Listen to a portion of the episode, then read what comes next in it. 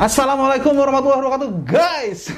Waalaikumsalam. Balik lagi bareng The Permanas Vlog. Ini adalah The Permanas Podcast. Hari ini kedatangan tamu istimewa banget. Kenapa di istimewa yang pertama? Karena ini kedatangannya di rumah. Yang kedua, ini adalah teman Bapak Agung yang sudah lama banget kita kenal dan kayaknya sih seru kalau kita ngobrol-ngobrol ya. Jadi ini kita ketemu dengan Mas Ipong panggilannya. Eh, namanya nan- nanti biar Mas Ipong ceritain sedikit tentang biodata dia sendiri. Sebelum kita mulai, please subscribe, like, and comment video ini. Kemudian jangan lupa follow The Permanas in Instagram and Facebook. Dan juga follow podcast The Permanas ada di Spotify, di Google Podcast, dan juga di beberapa platform pemutar podcast ya guys. Sekarang kita langsung aja, Eh, Mas Ipong boleh kenalin sedikit siapa namanya, profesinya apa, kita mau ngobrol-ngobrol apa, mungkin bisa diceritain sedikit, Mas Ipong. Oke, terima kasih. Assalamualaikum warahmatullahi wabarakatuh semuanya, teman-teman eh, pecinta dari teman saya Agung Surya Permana, Bapak Agung biasa dipanggil dari teman-teman. Hari ini eh, kebetulan Bapak Agung ini adalah teman kuliah saya juga eh, sudah lama kami kenal dari tahun 2004 kira-kira. 2004 ya? Iya. 2004 eh, sampai Kenal di mana? ini kita Kenal di mana kita? masih berhubungan kebetulan teman kuliah MMUGM saya Eh, perkenalkan nama saya Muhammad If Gobel. Hmm. kebetulan biasa dipanggil Ipong Gobel. Saya berasal dari Gorontalo nah profesi saya saat ini saya bekerja di Kementerian Perhubungan bagian Dirjen Perhubungan Udara. Nah selain saya bekerja di Kementerian Perhubungan kebetulan kami eh, berprofesi sebagai pilot di penerbangan sipil.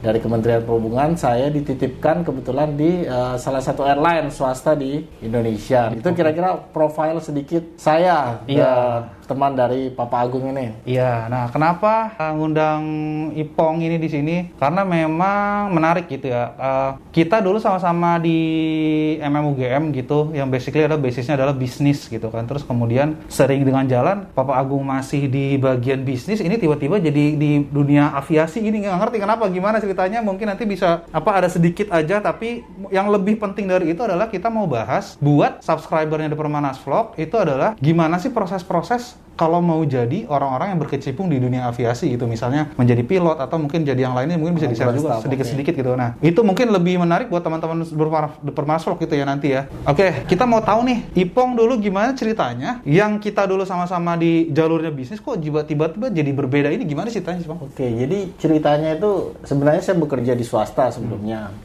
Cuman ketika itu ada penerimaan calon pegawai negeri sipil, eh, saya coba melamar di Kementerian Perhubungan pada saat itu dan alhamdulillah diterima waktu itu tahun 2010. Kemudian setelah dua tahun kita menjadi PNS diminta oleh Kementerian Perhubungan atau negara untuk disekolahkan di STPI Curug. Nah waktu itu di STPI ta- itu apa? STPI itu adalah Sekolah Tinggi Penerbangan Indonesia. Sekarang berubah menjadi Politeknik Penerbangan Indonesia. penerbangan yang so-called negeri Iya, betul. Ini ada yang swasta juga kan banyak kan ada yang swasta. Iya, iya. Terus kemudian eh, dari situ kita diseleksi tentunya. Jadi emang Gitu. jalurnya melalui tadinya udah bekerja di perhubungan, terus kemudian ada kesempatan itu bisa ikut dan akhirnya terpilih Betul. yang memang tadi dibilang ber- berbakat untuk bisa jadi bisa menjadi penerbang. gitu. penerbang. Oh gitu. Kemudian gitu. gitu. Terus dari negara diperintahkan untuk sekolah menjadi instruktur. Kemudian eh, setelah kenapa bisa jadi penerbangan sipil? Nah, itu nanti kita akan Iya, coba boleh, ngobrol boleh. Di Nah, sesi-sesi berikutnya. Nah ini kan menarik nih karena jalurnya Mas Ipong ini basically dari jalur sekian tahun bekerja terus kemudian dapat kesempatan. Nah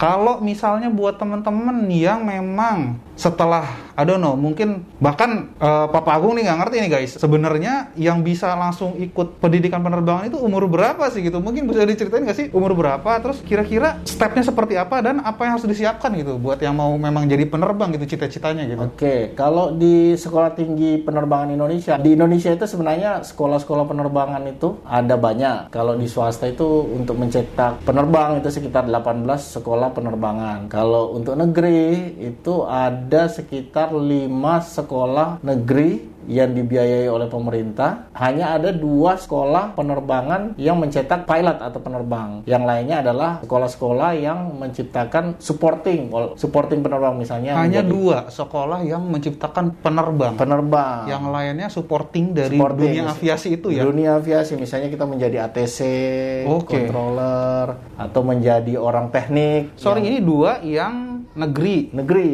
Yang swasta? negeri. Yang swasta ada sekitar 18. Oh, oke oke. Tapi kalau untuk supporting penerbangan di penerbangan itu tidak hanya pilot atau pramugari atau pramugara yang bekerja karena kita ada orang-orang lain yang bekerja di belakang layar misalnya ada yang namanya flight operation officer nah dia yang akan merancang pesawat itu terbang lewat mana Oke. Berapa bebannya yang akan boleh diangkut. Nah, itu salah satu yang namanya first flight operation officer. Terus Oke. ada juga menjadi teknik. Oh, gimana kalau pesawat rusak siapa yang perbaiki? Tentunya bukan pilot. Hmm. Yang memperbaiki orang teknik, orang bengkelnya yang langsung terjun di penerbangan Oke. saat itu juga. Kalau backgroundnya untuk di masing-masing bagian itu tadi misalnya ada jadi penerbang, ada yang di bagian teknik, itu backgroundnya tuh biasa atau mungkin kuliahnya, SMA-nya atau seperti apa gitu untuk anak-anak yang kalau di teknik rata-rata kebutuhannya adalah orang yang lulus SMA sama kayak universitas biasa ya. Oke. Dia belajar tentang mesin pesawat udara. Hmm. Teknik namanya kalau di penerbangan jurusannya teknik pesawat udara. Oke. Nah, kalau di penerbang sendiri untuk menjadi pilot ataupun menjadi jurusan yang lainnya,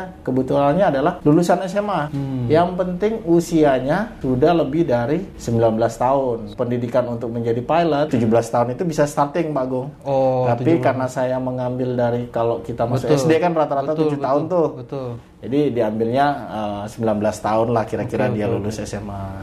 Jadi benar-benar kayak kuliah biasa aja. Nah, itu sebenarnya eh, berapa tahun pendidikan itu? Nah, karena pilot ini adalah skill. Hmm. Sama kayak kita kursus mobil atau kita kursus Oke. bahasa Inggris. Oke. Oh, gitu ya, Tuh, guys. Karena oke, dia oke. sebenarnya eh, tidak ada ijazah pilot penerbang dengan gelar sarjana apa gitu. Sarjana oke, pilot oke, itu nggak ada. Adanya bahwa kita itu berprofesi Jadi benar-benar skill aja gitu ya. Iya, benar-benar skill. Tapi di sekolah penerbangan eh, negeri, terutama di STPI atau PPI dan eh, ATKP Surabaya, itu dia ada gelarnya. Oh, gitu. Jadi dia dia punya gelar D2 atau sarjana ilmu terapan. Oke. Oh. Oke, jadi dia agak lebih panjang masa pendidikannya dibandingkan masa pendidikan di swasta. Nah, ini yang unik di antara kalau kita mau jadi pilot nih ya. Kalau di di swasta kita lulus SMA, kemudian sekolah kurang lebih sekitar eh, 18 bulan. Nah, kalau di negeri kita kurang lebih hampir dua setengah tahun.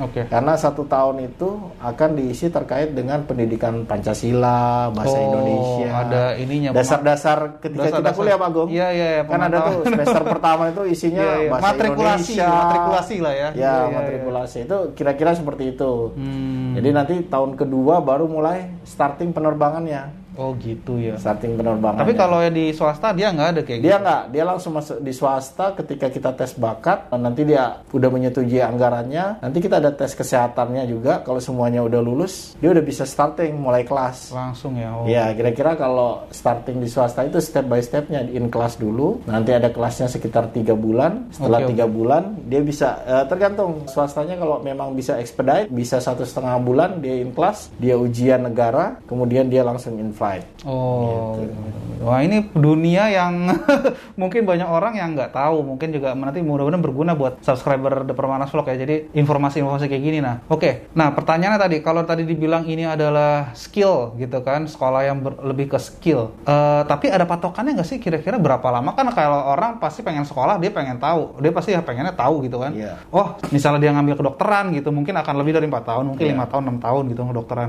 Kalau ngambil yang seperti sarjana biasa, mungkin empat tahun gitu. Tapi kalau ini rata-rata tuh berapa gitu? Kalau mengikuti silabus ya, rata-rata satu tahun, Pak Gung. Satu tahun Satu ya? tahun. Tuh, Cuma sampai ke tahap apa itu satu tahun? itu? sampai tahap dia mempunyai komersial pilot license. License komersial. komersial. Oke, oke, oke. Jadi kalau di dunia penerbangan kalau pilot dia namanya license. Kenapa Oke. dia tidak ijazah? Karena dia license. Oke, oke, oke. Rata-rata satu tahun, tapi Satu tahun. banyak yang lebih juga. Banyak lebih karena di penerbangan ini kan kita flight. Ya, ketika flight itu banyak faktor kita kenapa nggak bisa terbang. Hmm. Sudah siap nih kita, kita siap terbang. Ternyata cuacanya buruk. Oh, jadi tergantung dengan keadaan situasi. Iya, karena kita ya. nggak nggak mungkin kalau kita di kuliah dulu kan hujan. Udah ada Ya jadwalnya, udah, jalan masuk- lanjut terus. Lanjut terus. Iya, iya, Mau- iya, iya. Kecuali bencana ya. Mungkin Iya, saya iya, pernah iya. sama Pak Agung ini 2004. Waktu itu kita lagi di Jogja, kita lagi 2006 gempa kita di sana. Akhirnya kuliah diliburkan ya Pak Iya, Agungnya. iya. Kira-kira tiga bulan lah libur kita kuliah iya. itu. Tapi kalau begitu, misalnya tadi bilang setahun tahun jika dalam keadaan yang ya normal. Apakah bisa dibilang dalam dua tahun tuh sebenarnya biasanya udah kelar? Ya harusnya paling lama 2 tahun. Paling lama dua tahun. Paling lama ya. Itu bisa dibilang tergolong cepat ya untuk sebuah institusi pendidikan gitu. Maksudnya Iya. untuk yang siap bekerja dan sudah bisa di ya siap kerja benar-benar itu dua tahun cu- cukup cepat gitu sebenarnya. Ya standar lah. Kalau dua kalau rata-rata sih average diambil average ya. Itu 18 bulan mereka 18 menempuh. bulan, Karena ya. enam bulan itu ada yang ya, perkiraan. Kalau cuaca bagus, pesawatnya oke, semua siswa siap, itu sekitar 14-15 bulan udah kelar dia biasanya. Iya iya iya. Udah selesai lah. Iya artinya kan ini kan kalau ngomongin pendidikan seorang anak itu atau orang tua dari yang pengen anak-anak yang mau jadi apa nih gitu Iya. kan pasti kan akan ngitung kan oh saya mau taruh anak saya atau saya mau pendi- memberikan pendidikan ke anak saya itu sebagai apa gitu kan Iya. Eh, itu kan bisa melalui yang tadi ada jalur yang pendidikan biasa gitu kan terus ada yang kayak seperti ini gitu kan buat keluarga yang mau investasi ini berarti. Apakah itu lebih baik? Memang lebih cepat lebih baik. Kayak ngambil seperti ini buat anak-anaknya gitu maksudnya. Eh, sebenarnya ya kalau saat ini sih dunia penerbangan lagi terpuruk sehingga lowongan kerja itu menjadi kecil lah. ya. Iya. Ya, tapi kan Mengecil ini ya. karena kondisi sekarang. Kondisi nih. sekarang ya. Tapi kalau everything smooth itu Ah, gimana oke. menurut Kalau eh, everything smooth itu sangat menjanjikan ketika menjadi Hmm. pilot ini ya, terutama kalau kita nanti terbang di eh, luar negeri. Hmm. Wah itu eh, sangat mewah, fasilitas dan tentu gaji-gajinya udah Oke, sangat oke. istimewa lah. Artinya teorinya nih, guys. Kalau emang tadi dibilang eh, dalam tahun terus kemudian ada jam terbang segala macam terus bisa jadi yang di luar negeri gitu, artinya balik modalnya cepet dong teorinya. Cepat. Kalau Hmm. balik modal, kira-kira kalau dia udah kalau di dalam negeri dia berprofesi dalam negeri, kira-kira kalau hitungan ekonomi saya sekitar dua setengah tahun dia udah Dua setengah modal. tahun cepet loh untuk sebuah ini. Kedua banding sama coba dok-dokteran berapa lama dia harus Iya. ini akhirnya, wow ber- bertahun-tahun. Sekitar dua setengah tahun. Kalau domestik, kalau Hmm. dia bekerja di misalnya dia sangat hebat lah atau beruntung bisa bekerja di aviation Singapura misalnya dengan Singapura Airlines, itu satu tahun bisa balik modal, Bapak. Which is itu jauh banget sama kayak misalnya kayak Papa Agung nih,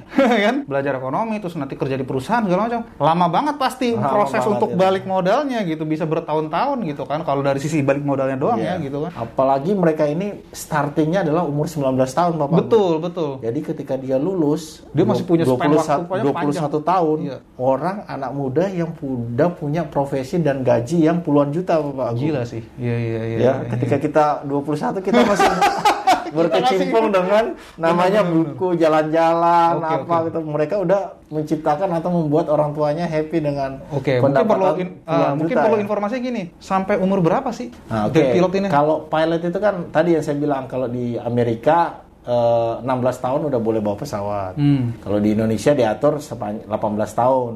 Hmm. Jadi 18 tahun setelah satu tahun, kemudian maksimum, dia bisa menjadi pilot itu umur 65 Bapak gua. 65 sih udah sama aja sih ya. Iya. Pensiun juga maksudnya ya Kalau pensiun normal juga kan saya PNS 58 nih. Iya, maksudnya sama aja gitu. Jadi Ya, selama eh, badannya masih kuat. Kalau profesi pilot ini yang paling penting adalah kesehatan badan, karena yang kita punyai adalah kesehatannya. Iya, karena memang benar fisik Hmm, ya. Profesi fisik. Karena kita akan dilakukan medical check up setiap enam bulan sekali. 6 Bapak. bulan ya. Oke, oke. 6 bulan ini berbeda dengan kita waktu kita kuliah atau kita bekerja di eh, perusahaan ya. Hmm. Kita medical check up, eh, kemudian kita tahu wah Cuma catatan aja. kolesterol kita Iya. 250 misalnya. Paling Oke, dapat warning catatan aja. aja. Iya, Tapi iya. kalau kita di penerbang kolesterol 250 kita pasti grounded.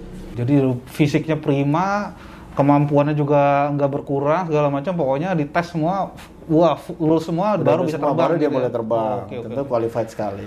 Nah, tadi balik lagi berarti. Kalau tadi dibilang Oke, ini bisa lebih cepat. Anak-anak muda yang baru masih baru lima tahun bekerja terus tiba-tiba udah punya gaji puluhan juta gitu misalnya, contohnya gitu. Itu kan yang enaknya, ya nggak Iya. sih? Cerita yang enaknya. Yang nggak enaknya tuh apa sih? Maksudnya kalau ini kan pasti dua sisi, pasti ada positif dan negatif. Nah itu sisi negatifnya apa sih yang mungkin orang perlu tahu gitu sebagai Oh, seorang oke. pilot? Eh, memang ketika kita memutuskan untuk menjadi seorang pilot, ini tentu hal yang sangat eh, berisiko tinggi. Pertama, Hmm. kenapa kita berisiko tinggi? Ya karena yang kita bawa adalah nyawa kita sendiri maupun nyawa orang lain, gitu Hmm. kan. Itu nggak mungkin di penerbangan sipil Anda bisa hijack Jack kemudian kita keluar sendiri pilotnya kan ada suka berpikir Iya, itu iya. kalau ada apa-apa pilotnya bisa lompat duluan dong Ternyata kan? enggak ya. ternyata nggak bisa Malah pilot yang paling terakhir kalau pilot adalah orang paling terakhir yang keluar dari pesawat Hmm. setelah semua krunya mungkin Papa Agung pernah lihat di film Suli Iya, iya, itu iya, dia pernah. adalah orang terakhir yang harus keluar dari Betul, betul. pesawat Hmm. Tuh, itu SOP-nya begitu Oke, berarti resiko keselamatan diri ya Ah, pertama ya. kemudian sekolahnya ini benar-benar sulit Pak Oke, oke. sekolahnya ini benar-benar sulit nanti habis ini Karena kita- bukan teori nih guys. Kalau yang Teori, teori kan kita bisa, lupa, bisa nyontek. okay, bisa Bahkan nyontek. kalau itu wordsnya ya bisa nyontek. Iya. Ini kan nggak ada nyontek, nyontek ada siapa nyontek. gitu kan. Karena Iya, kalau iya, ini iya. teorinya pasti kita harus hafal. Jadi dua tahun itu misal maksimal ya, itu berat banget gitu ya pendidikannya. Oke oke oke. Ini. Selain tadi ya, kalau misalnya memang seseorang itu punya masalah dengan kesehatan, Hmm. ya bisa dibilang mungkin ketika dia sudah mulai investasi di sana gitu ya, udah sekolah segala macam, tapi kemudian kesehatan bermasalah, artinya semua investasi itu gone ya. Gone ya. Bisa dibilang gitu, karena karir over ya. Over semua. Oke, oke. Sehebat apa pun kita menjadi profesi pilot, ketika kita bermasalah dengan kesehatan kita itu selesai. Gone. Oh itu juga salah satu Jadi- ya guys, harus di notes banget. Umur pilot itu adalah enam bulan, jadi kita tidak bisa sombong Hmm. karena pilot sehebat apa pun dia jago mau kayak apa jungkalitan dia sekali hafal dia udah tahu gitu Iya, tutup iya. mata pun dia terbang. Ketika dia bermasalah dengan kesehatan dia selesai Kelar profesi ya. pilot. Oke oke oke oke. Pilot yang paling hebat adalah pilot yang pensiun sampai 65 tahun dan tidak pernah punya kasus. Itu adalah profesi pilot yang hebat. Banyak nggak yang kayak gitu? Nggak banyak, Nggak mungkin banyak ya? sekitar 20% dari eh, totally Oh. 20 sampai 30%. Makanya Artinya ketika- memang oke oke oke. Artinya ketika seseorang sudah memutuskan untuk hidup menjadi seorang pilot, dia juga udah harus tahu bahwa resikonya tinggi dan dengan angka yang 20%, Iya. Dia harus benar nyiapin sesuatu Iya, ya. gitu. Oke, itu jadi banyak insight-nya ya, guys. Iya. Oke, tapi tadi mungkin step-stepnya nih kalau ada yang mau jadi seorang pilot Hmm. gitu harus nyiapinnya apa, bagaimana step-stepnya? Oke, jadi eh, step untuk menjadi pilot eh, license. Pertama, saya jelaskan dikit. Untuk menjadi pilot itu ada step pertama kita sehat dulu, ya kan Pak Bogong. Kemudian kita sehat, nanti ada step namanya tes bakat terbang. Karena tidak semua orang sehat tapi berbakat untuk terbang. Bakatnya tuh Bakatnya tapi tuh- ada hal-hal yang dinilai kan, maksudnya ada, standar. ada, ya? Oke, tentunya oke. ada standarnya. Oke oke, itu Standarnya dibilang berbakat gitu ya. berbakat. Nanti standarnya biasa dicek di simulator. Simulator itu dia scanning cepet nggak? Scanning itu artinya, oke belok kiri, tapi ternyata dia belok kanan instruksinya. Hmm. Ini ya apa eh, menerima antara motorik, motorik pokoknya- sama pokoknya- instruksi itu Iya iya eh, iya. cepet iya. nggak dia? Respons Itu- juga iya, gitu ya. respon, dia Oh. respon motoriknya gampang apa Karena enggak. memang semua orang beda-beda tuh. Berbeda. Ah, pernah juga nonton di Net Geo gitu ya. Orang tuh dites gitu tingkat dia me- mengelak kecepatan dia itu ya, beda-beda refleks- gitu. refleksinya refleksnya berbeda-beda. betul betul. Oke Dan oke. nanti akan dilihat. Oke, jadi ini harus lewat dulu baru bisa Bisa sekolah, baru bisa enggak itu berarti udah daftar kan? Itu udah daftar, udah, Udah segala daftar. macam. Tapi belum dinyatakan lulus jadi siswa. Nah, itu banyak yang nggak lulus. Banyak juga yang nggak lulus, tapi itu bisa di-upgrade. Oh, Artinya, bisa diulang gitu ya. misalnya diulang. Gitu. Nanti ketika dia udah lulus dari situ, ada namanya tes psikotes juga, Bapak Oke. Agung. Oke. Karena belajar ada tes hipoksia namanya ya. Oke. Hipoksia itu kita itu menerima oksigen seberapa lama gitu loh. Oke. Seberapa tahan. Misalnya kalau saya waktu itu 5 menit dimasukin ke dalam kotak di mana oksigennya itu nol Oh, oke. dengan Oke. pressure sesuai pressure yang ada di eh, ketinggian. Reaksi orang berbeda gitu ya. Reaksi orang berbeda-beda. Oke. Nah, di situ akan ketahuan kalau yang pernah geger otak. Oh. Nah, ketika suplai oksigen di otak itu sedikit, akhirnya mikir kita agak lambat. Oh. Kadang ngantuk, kadang lambat, kadang sakit. Iya iya. itu kan dites. Nanti batas maksimumnya paling nggak dia bertahan 3 menit. banyak tes yang dari sisi kesehatan dan juga Hmm. tingkat ketahanan dia atau refleks gitu ya. Iya, Oke oke oke. itu. Tapi nanti setelah dia tes kesehatan, dia tes psikotes, Hmm? tes bakat terbang terakhir Bapak Agung. Oh gitu. Nah, udah selulus dia tes bakat terbang, nah baru dia boleh apply. Mulai memenuhi persyaratan administrasi, Oh, misalnya gitu. KTP dilampirkan, foto Administratif dilampirkan, lah ya pokoknya. administratif. Nah, baru dia mendapat namanya student pilot license. Student pilot lesson. Oh, Oke, studentnya. Jadi Oke. dia menjadi siswa kalau menjadi siswa persyaratannya harus dia punya itu. Oke oke oke oke oke. Dia udah bayar administrasi, lewat udah ini udah Iya, iya. selesai. Nah, sudah punya namanya SPL ini berarti dia legal boleh terbang, diajarkan. Hmm. Ini loh, real flight ini kayak gini. Nah, itu kira-kira membutuhkan 50 jam sampai 40 jam. Oke. Kamu ini loh teori terbang. Take off-nya begini Hmm. caranya, landingnya begini caranya. Tapi terbangnya cuma sekitar bandara aja. Iya iya. Bisa take off, bisa muter, bisa landing. Iya. Nah, itu sekitar membutuhkan itu dikasih waktu 20 jam. Oke. Oke. Kalau 20 jam tidak bisa lulus solo, itu fail. Oke oke. Kalau rata-rata kalau diambil normal Bapak Agung itu 15 jam sampai Iya, iya, 20 jam. Ketika dia udah rilis, oke kamu udah bisa terbang, dikasih terbang solo. Oke. Di dalam pesawat kita hanya sendirian, take off landing tiga kali, nggak boleh keluar dari jalur bandara. Harus pas gitu ya. harus pas. Nah, ketika kita lolos solo flight, nah nanti ada kayak selebrasi bahwa Anda sebenarnya sudah bisa bawa pesawat untuk landingin Iya, pesawat iya, maupun take off. Tapi Anda belum bisa terbang ke area-area. Iya iya. iya. Namanya Masih di situ aja. Namanya gitu. pilot itu kan kita terbang satu kota ke kota lain, Iya. landing bisa, take off bisa. Iya. Iya, Kemudian artinya terbang artinya ini banyak eh memang porsinya semua itu ya udah langsung praktek basically semua Langsung praktek. diulang- Karena teori di awal aja. Di teori di awal cuman tadi se- sebulan ya kalau nggak salah di kelas. sebulan. Oke, Nanti oke, oke. praktek simulator, praktek simulator. Oke, berarti artinya dari mulai pendaftaran dan mulai tadi ada tes-tes segala macam, pendidikan itu cuma sebulan di kelas, habis itu semua everything udah langsung Sudah langsung terbang, begitu ya dan itu langsung praktek gitu Iya. ya. Oke, oke, oke. Nanti instruktur lihat, wah kamu layak untuk jadi pilot. Itu adalah license pertama yang dia miliki, namanya private pilot license. Oke. Tapi dia private pilot license ini Bapak Agung, dia boleh terbang di, boleh keluar, boleh saya stop sampai sini aja. Saya punya uang misalnya cuman sampai membiayai private pilot license. Iya, iya, iya. Dia udah bisa jadi pilot, tapi dia tidak boleh bawa penumpang. Oke. Misalnya dia nanti mau ngelamar di mana? Di penyebar pupuk. Iya, iya, iya, iya, iya. ya gitu iya. kan di dalam dia sendirian tuh. Betul. Dia nyebar pupuk kayak di film-film itu. Pokoknya Nah, private dia sendiri private, aja. dia gitu ya. sendiri. Oke, oke, oke. Itu private license. Rata-rata 50 jam dibutuhkan. Oke. Nah, setelah private pilot license, kita membutuhkan namanya commercial pilot license. Iya, iya. Commercial pilot license ini membutuhkan 100 jam.